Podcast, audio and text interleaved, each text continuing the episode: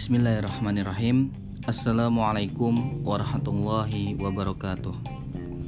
Allahumma inna nas'aluka ilman nafi'an Wa rizqan wasi'an Wa shifa'an min kulli da'in wassakum. Sadaqallahu azim. Amma ba'du. Teman-teman semua Pada hari ini kita akan melanjutkan membaca Empat hadis dari kitab Bulughul Maram Karya Syekh Ibnu Hajar Al Asqalani. Hadis yang ke 1441 Wa an Ibni Mas'udin qala qala Rasulullah idza kuntum thalathatan fala yatanajanisnani dunal akharin hatta takhtalitu bin nas min ajli anna dzalika yuhzinuhu.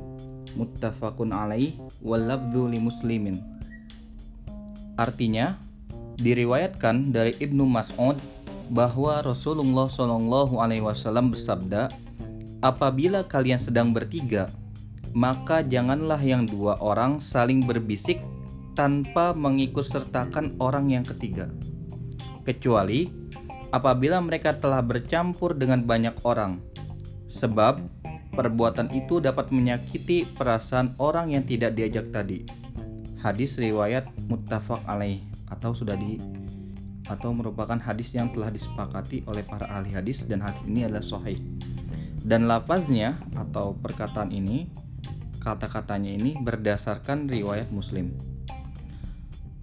Ikhwani fil Muslim uh, dari hadis di atas dapat kita simpulkan bahwasanya Nabi Muhammad SAW melarang kita apabila ada tiga orang misalkan ada tiga orang yang pertama namanya Ahmad yang kedua Raihan yang ketiga Muhammad lalu Nabi Muhammad Shallallahu Alaihi Wasallam melarang apabila dua orang saja yang berbisik-bisik tanpa mengikutsertakan orang yang ketiga.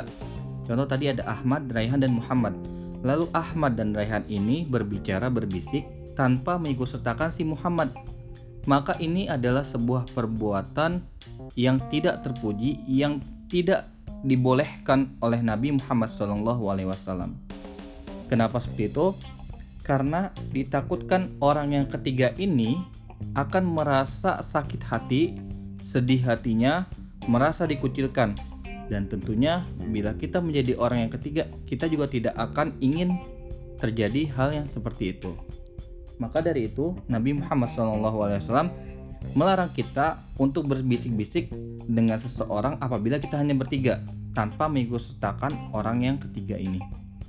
Tetapi jika mana sudah berkumpul dengan banyak orang dan mungkin memang ada sebuah pembicaraan yang sangat privat antara satu orang dengan orang yang lainnya berdua saja memang tetapi di banyak orang maka itu tidak apa-apa atau dibolehkan kita untuk berbicara sambil berbisik dengan orang tersebut apabila memang itu adalah sebuah pembicaraan yang bersifat pribadi, privat ataupun rahasia.